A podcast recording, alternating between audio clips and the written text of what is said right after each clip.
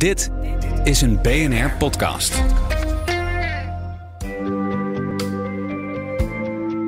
Wetenschap in het kort met Carlijn Meinders. De mens heeft een enorme invloed gehad op hoe dieren, vooral huisdieren, er nu uitzien.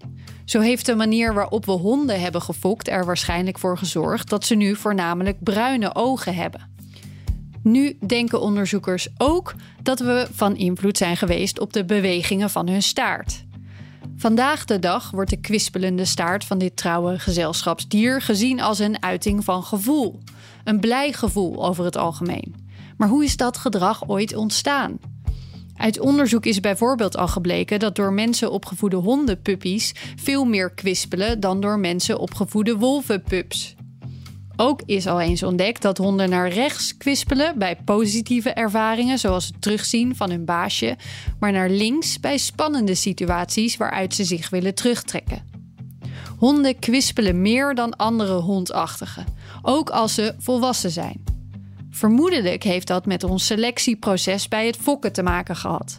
En mogelijk deden we dat, opperen deze wetenschappers nu, omdat de mens enorm gevoelig is voor ritme. Nou is er wel flink wat onderzoek nodig om dat met meer zekerheid te kunnen zeggen. Er zijn ook genoeg andere aannemelijke theorieën. Mogelijk hebben we erop geselecteerd tijdens het fokken omdat we de kwispelcommunicatie prettiger vinden dan een heleboel geblaf.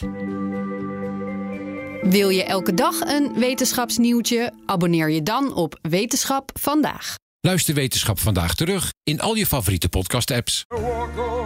Hardlopen, dat is goed voor je. En Nationale Nederlanden helpt je daar graag bij. Bijvoorbeeld met onze digitale NN Running Coach... die antwoord geeft op al je hardloopvragen.